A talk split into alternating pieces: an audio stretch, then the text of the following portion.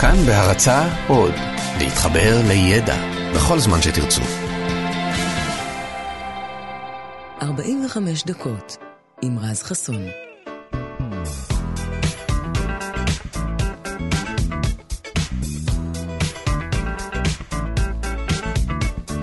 בוקר טוב לכם, כאן תרבות, 104.9, 105.3 FM. וואו, התחלנו קצת uh, מאוחר היום, אבל הנה, אנחנו נפצה, אנחנו ממש עוד מעט יוצאים לדרך, עם המון מוזיקה טובה ועוד uh, כל מיני דברים מעניינים uh, שיהיה לכם כיף לגלות ככה בחול המועד. מה יש לכם לעשות? אם אתם לא ישנים עכשיו ואתם בדרך לעבודה, זרמו איתנו. אז אתם יודעים, אוטוטו נהיה... אוטוטו אנחנו נהיה אחרי סוכות, ואז תהיה לנו גם חופשה ארוכה מחופשות.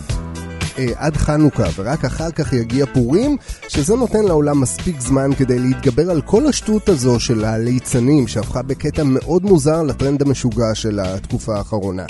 לפני כמה תוכניות סיפרתי לכם כאן על קולורופוביה, שזה פחד מליצנים, וכבר אז אמרתי שגם הפחד הזה מפני ליצנים הוא פחד נרכש. גם אם אנשים מספרים לכם שמאז ומתמיד ליצנים לא עשו להם טוב, הם לא נולדו עם הפחד הזה.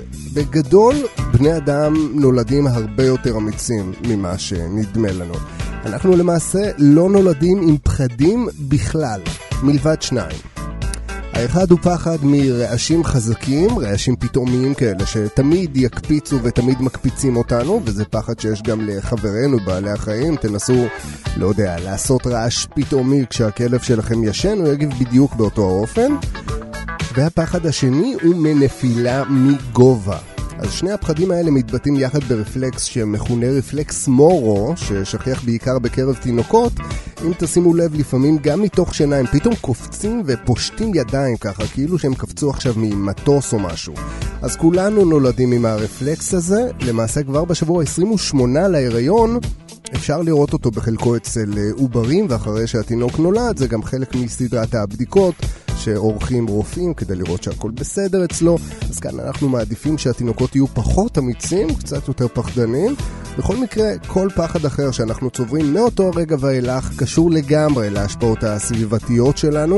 אז אם חשבתם שתמיד פחדתם מליצנים, מהכבישים, מכלבים, לא ממש. תנסו לפשפש קצת בזיכרון, לבדוק בדיוק מתי כל זה התחיל ולמה. זה יכול להיות מעניין, אולי אפילו איזשהו חלק בתהליך ריפוי, לכו תדעו.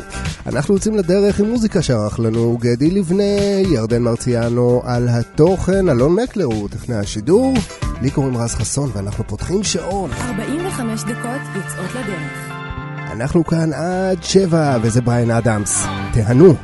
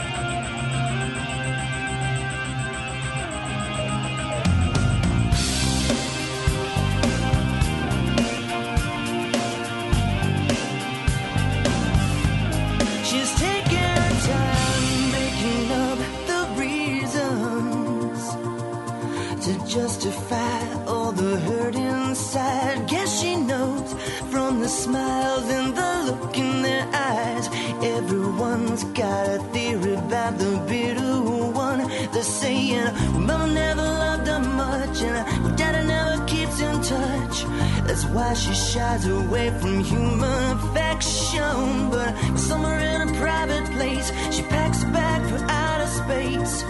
And now she's waiting for the right kind of pilot to come.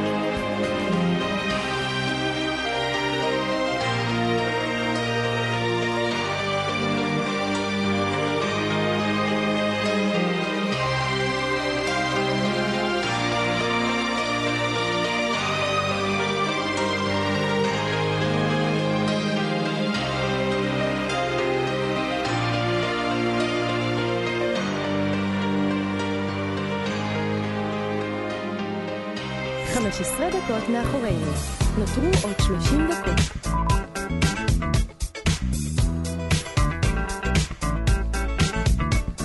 אז בואו נדבר על עיסוי, או כמו שאנחנו אוהבים לקרוא לו מסאז'. שהוא באמת אחד הדברים היותר נעימים, וזו הסיבה שאנשים שלא ממש אוהבים מגע מפסידים פה בגדול, אבל לא על זה אני רוצה לדבר, להם יהיה זמן מתישהו אה, לטפל בעצמם כדי ליהנות מה... מהדבר המופלא הזה. באמת, מי שהיה בתאילנד בטוח קיבל אה, עיסוי אחד לפחות ביום כדי להתמכר לעניין הזה. וכשמישהו או מישהי עושים לנו עיסוי, הם גם מרפים את השרירים שלנו, אבל גם שולחים אותות למוח שלנו דרך מערכת העצבים שמקושרת לכל חלק בגוף שלנו, ובעצם על הדרך אפשר לומר שאנחנו מקבלים גם עיסוי מוח באותו הזמן. ובגלל שהמוח שלנו בנוי ממערכת של קשרים, לפעמים, לפעמים, לפעמים, כמו בכל מערכת של קשרים, גם שם יכולים להיות פלונטרים. ולפעמים הפלונטרים האלה מתבטאים בבעיה כלשהי בתפקוד, אבל במקרים אחרים הם משדרגים אותנו, כמו למשל מה שקרה לאישה, לאישה הולנדית, שיום אחד באמצע ההליכה הביתה מהעבודה, חוותה אורגזמה. ככה סתם, באמצע הרחוב, וזה לא שהיא הייתה מגורה או מרוגשת מינית, היא פשוט הלכה הביתה, חשבה על היום הקשה שהיה לה, על מה היא הולכת לאכול כשהיא תגיע לדירה שלה, והופ, אורגזמה. אז אחרי שהיא התאוששה, היא גילתה שזה לא לגמרי הסוף, ושמדי פעם היא פשוט uh, חווה אורגזמות, בלי שום קשר לריגוש מיני. אז פעם אחת זה נחמד, אולי אפילו פעמיים, אבל אחרי שש uh, פעמים כאלה ביום, היא החליטה לראות רופא כדי לראות מה העניינים. אז בהתחלה הרופא לא לגמרי הבין מה היא רוצה, חשב שהיא קצת אולי לא בסדר, אבל אחרי שהוא ראה אותה ממש בלייב, אז הוא הבין שיש כאן באמת עניין uh, של ממש, ושלח אותה לסריקת, uh, לסדרת בדיקות. בסריקות המוח שנעשו לה, גילו שהעצבים בכף רגלה השמאלית הם שגרמו לתופעה הזו, ככל הנראה בעקבות זיהום שהתפתח שם uh, זמן קצר קודם לכן, ושהמוח פשוט התבלבל בין זיהוי המערכת העצבית בכף הרגל לבין זור של הדגדגן, שמתברר שרשת העצבים של שני האיברים האלה עוברים באותו האזור של עמוד השדרה, ושהם נקלטים, נקלטים במוח באותו אזור סנסורי אפילו. אחרי זיהוי הבעיה, העצבים האלה פשוט הורדמו, האישה חזרה לתפקוד רגיל, והרי לכם עוד איזשהו שיעור מעניין על תפקוד המוח וכמה הוא מופלא האיבר הזה.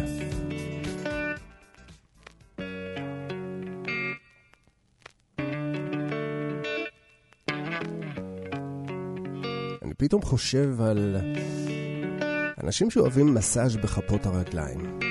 האם הם מגלים לנו את האמת? עד כמה זה באמת נעים להם? Hmm.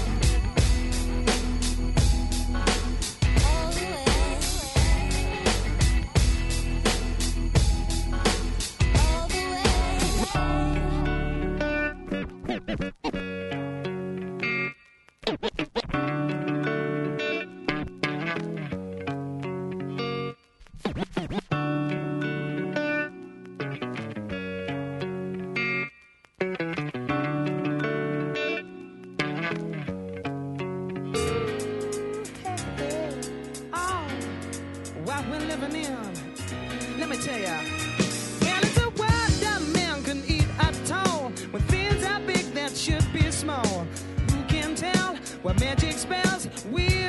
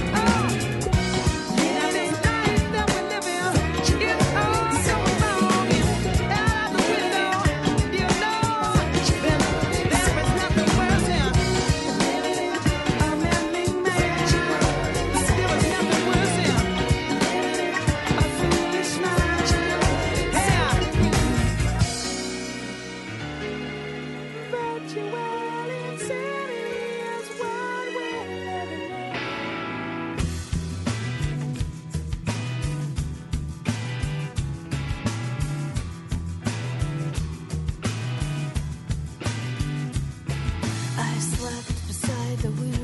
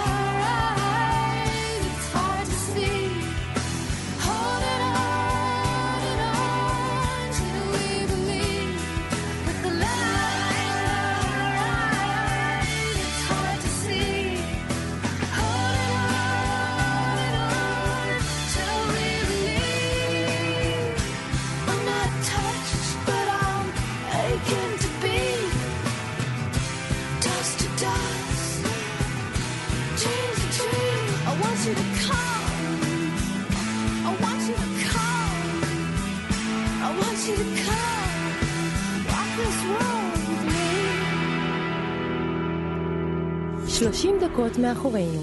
נותרו עוד 15 דקות.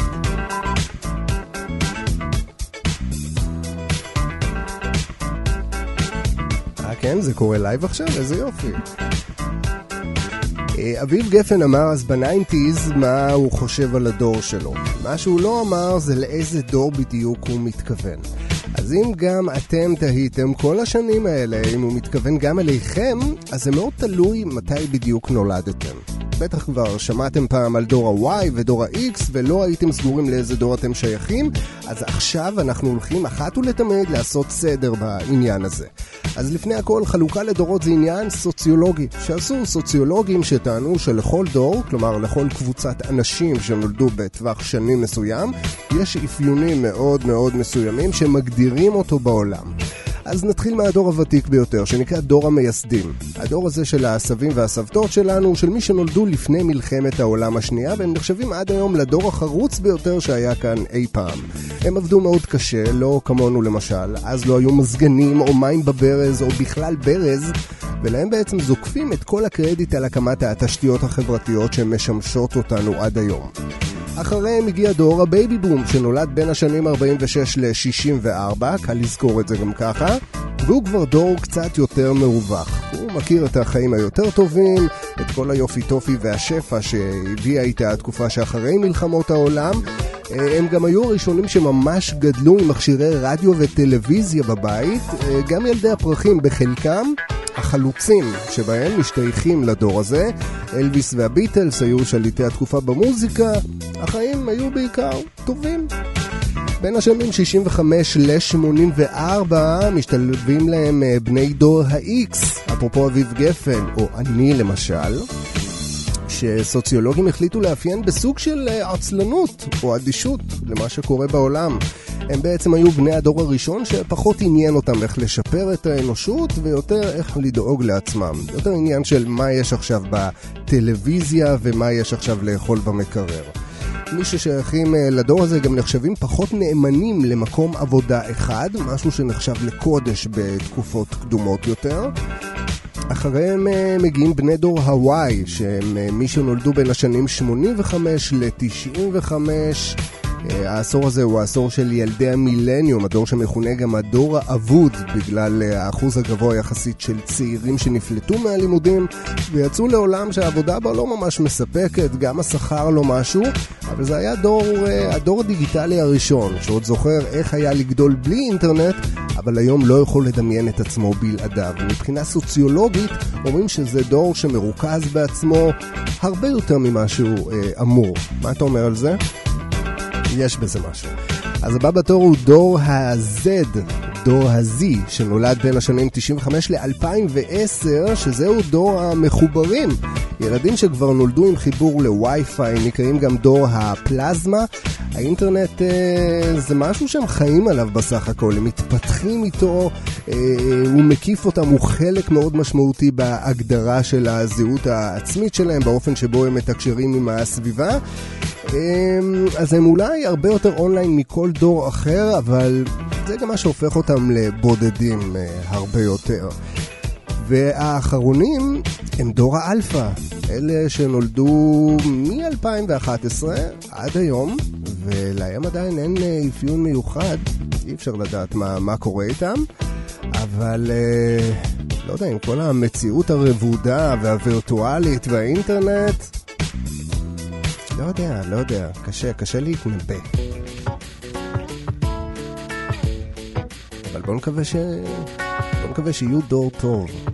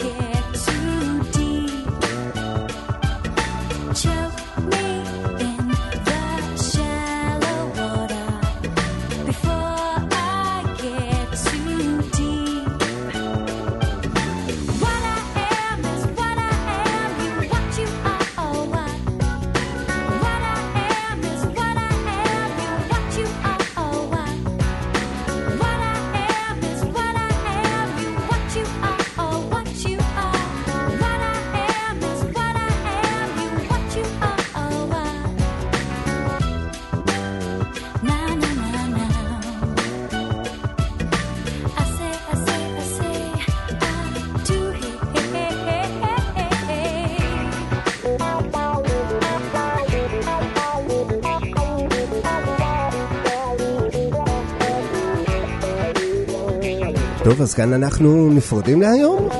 כן, מסתמן שכן. אז תודה רבה לגדי לבנה על המוזיקה הנפלאה, לירדן מרציאנו על התוכן, לאלון מקלר, טכנאי השידור, וגם לכם שהייתם איתנו כאן.